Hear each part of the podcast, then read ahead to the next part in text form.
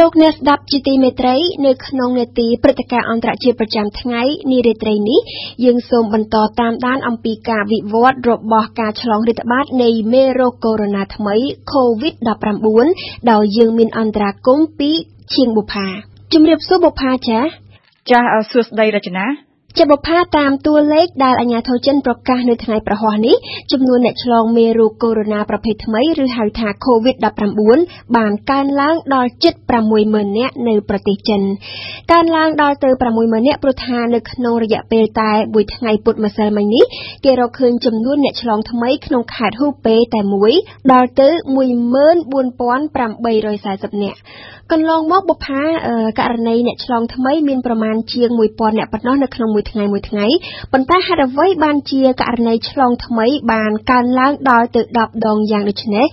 តើនេះមានន័យថាស្ថានភាពឆ្លងរាតត្បាតនៃកូវីដ -19 នៅខេត្តហ៊ូប៉េកាន់តែធ្លាក់ធ្ងន់ធ្ងរជាងមុនឬក៏យ៉ាងណាចា៎ ចារចនាស្ថានភាពឆ្លងរាតត្បាតមេរោគកូវីដ -19 ឬក៏ COVID-19 នៅខេត្តហ៊ូប៉េនឹងគឺនៅតែដដែលទេ គឺមិនបានធ្លាក់ចុះអាក្រក់ជាងមុននោះទេ ការដែលអាជ្ញាធរចិនបានរកឃើញចំនួនអ្នកឆ្លងថ្មីច្រើនខ្លាំងគឺដល់ទៅ10ដងបើប្រៀបធៀបទៅនឹងចំនួនឆ្លងថ្មីប្រចាំថ្ងៃនាពេលកន្លងមកនឹងរចនាគឺមកពីអាជ្ញាធរចិននឹង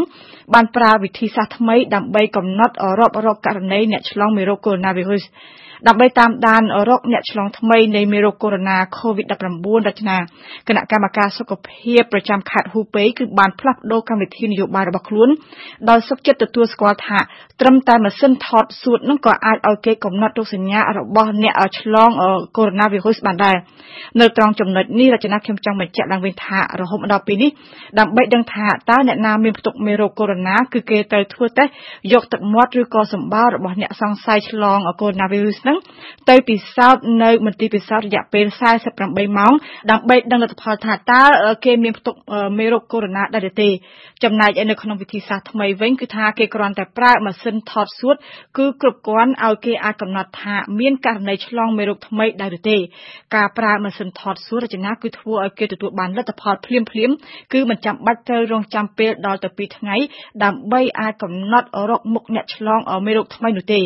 ទៅតាមវិធីសាស្ត្រថ្មីនេះដែររចនាគឺថាចាប់តាំងពីថ្ងៃប្រហ័សនេះទៅមិនត្រឹមតែអ្នកដែលធ្វើតេស្តទៅឃើញមានមេរោគកូវីដ -19 ត្រូវគេចាត់ទុកជាអ្នកឆ្លងថ្មីតែប៉ុណ្ណោះទេក៏ប៉ុន្តែអ្នកដែលមានរោគសញ្ញាដែលក្រុមគ្រូពេទ្យវិតម្លៃថាកំពុងតែមានជំងឺផ្លូវដង្ហើមហ្នឹងក៏ត្រូវគេចាត់ទុកថាជាអ្នកឆ្លងមេរោគដែលគេត្រូវចាប់ព្យាបាលដែរការចាត់ចំណាត់ថ្នាក់បែបនេះរចនាគឺធ្វើឲ្យចំនួនអ្នកឆ្លងថ្មីហ្នឹងកើនឡើងទៅ10ដងយ៉ាងដូចនេះរចនា ចាបុផា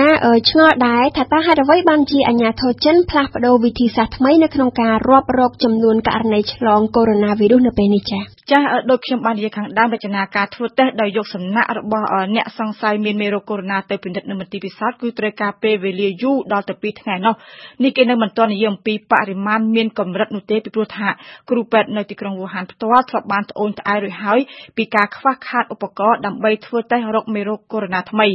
មួយវិញទៀតរចនាគ្រូពេទ្យមួយចំនួនទីក្រុងវូហានផ្ទាល់បាននិយាយថាវិធីយកសំណាក់របស់អ្នកសង្ស័យមានមេរោគនោះគឺមិនសូវជាមានប្រសិទ្ធភាពប៉ុន្មានទេគេជឿថាការធ្វើតេស្តកន្លងមកគឺបានធ្វើឲ្យអ្នកជំងឺនៅវូហានជាច្រើនអ្នកដែលគេសង្ស័យថាមានមេរោគកូវីដ -19 គឺបានរួចផុតពីសំណាញ់តាមដានពិនិត្យរបស់អាជ្ញាធររបស់គ្រូពេទ្យអ្នកឆ្លើយឆ្លងព័ត៌មានរបស់វិទ្យុបារាំង RFI ប្រចាំទីក្រុងប៉េកាំងធ្លាប់បានសរសេរថានៅប៉ុន្មានសប្តាហ៍មកនេះមានក្រុមគ្រួសារនៅវូហានជាច្រើនបាននិយាយថាមានជីតាជីដូនម្ដាយឬក៏កូនប្រុសហើយសមាជិកគ្រួសារមួយចំនួនដែលមានជំងឺផ្ដាសាយ គ្រុនក្តៅខ្លួនក្អកហើយនឹងធ្លាក់ខ្លួនស្លាប់នៅផ្ទះផ្ទាល់តែម្ដងដោយសារតែពួកគេនឹងមិនត្រូវបានអាជ្ញាធរចាត់ទុកថាជាជនសង្ស័យមានមេរោគកូវីដ -19 ដែលគេតាមពិតត្រូវដាក់បង្ខាំងទុកព្យាបាលនៅមន្ទីរពេទ្យការផ្លាស់ប្ដូរវិធីសាស្ត្រថ្មីដើម្បីរកអ្នកផ្ទុកមេរោគកូវីដ -19 សំខាន់ណាស់រចនាពីព្រោះថាវាគឺជាការទៀមទាចង់បានឡើងរបស់អ្នកជំនាញបរទេសរហូតមក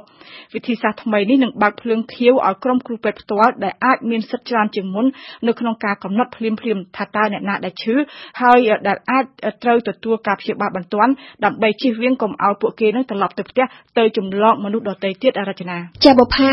គ្រាន់តែមានដំណឹងស្ដីពីចំនួនអ្នកឆ្លងកើនឡើងខ្ពស់មិនធ្លាប់មាន កាសែតចិនបានចុះផ្សាយពីការដកតំណែងចៅហ្វាយខេត្តហូប៉េនិងចៅហ្វាយក្រុងវូហានភ្លាមនៅថ្ងៃប្រហ័សនេះថាតើការដកតំណែងនៃមន្ត្រីជាន់ខ្ពស់របស់បកកុម្មុយនីសចិនទាំងពីររូបនេះមានជាប់តាក់ទងទៅនឹងការកើនឡើងនៃចំនួនអ្នកឆ្លងជំងឺកូវីដ -19 ថ្មីដែរឬទេបុផាចា៎ចារចនាកាសែតនៅក្នុងស្រុកមិនបានបញ្យល់ពីមូលហេតុដែលធ្វើឲ្យចៅហ្វាយខេត្តហ៊ូប៉េឬក៏មេដឹកនាំបកកុម្មុយនីសប្រចាំខេត្តហ៊ូប៉េហើយនិងចៅហ្វាយក្រុងវូហានហ្នឹងត្រូវបកកុម្មុយនីសចិនដកចេញពីតំណែងនោះទេក៏ប៉ុន្តែចង់ឬមិនចង់រចនាដំណឹងដកតំណែងមន្ត្រីជាន់ខ្ពស់របស់បកកុម្មុយនីសចិនប្រចាំខេត្តហ៊ូប៉េនេះកើតឡើងនៅចំពេលដែលកំពុងតែមានពាក្យចោទប្រកាន់ថាអាញាធរថ្នាក់មូលដ្ឋាននៅខេត្តហ៊ូប៉េហើយនិងវូហានគឺគ្មានតម្លាភាពហើយបានព្យាយាមបិទបាំងស្ថានភាពជាក់ស្ដែងនៅវូហានកន្លែងដែលកាត់ផ្ទុះដំបូងនៃមេរោគកូវីដ -19 ប្រភេទថ្មីចៅហ្វាយក្រុងវូហានផ្ទាល់រចនាទើបតែបានប្រកាសការពីពេលថ្មីថ្មីនេះថាគេបានធ្វើតេស្តប្រជាជនដល់ទៅ96%នៅក្នុងក្រុងវូហានទាំងមូលក៏ប៉ុន្តែតួលេខនៃអ្នកឆ្លងថ្មីនេះបានបង្ហាញថាអាជ្ញាធរក្រុងវូហានតាមពិតគឺបានមើលស្រាលស្ថានភាពពីព្រោះថាតាមពិតទៅមានមនុស្សជាច្រើនដែលត្រូវបានគេធ្វើតេស្តដែរក៏ប៉ុន្តែធ្វើតេស្តដោយមិនត្រឹមត្រូវពីព្រោះតេស្តអាចអវិជ្ជមានក៏ប៉ុន្តែតាមពិតពួកគេអាចមានផ្ទុកមេរោគហើយនឹងអាចត្រូវគេបណ្ដោយឲ្យត្រឡប់ទៅផ្ទះដែលអាចចម្លងដល់អ្នកដទៃបន្តទៀត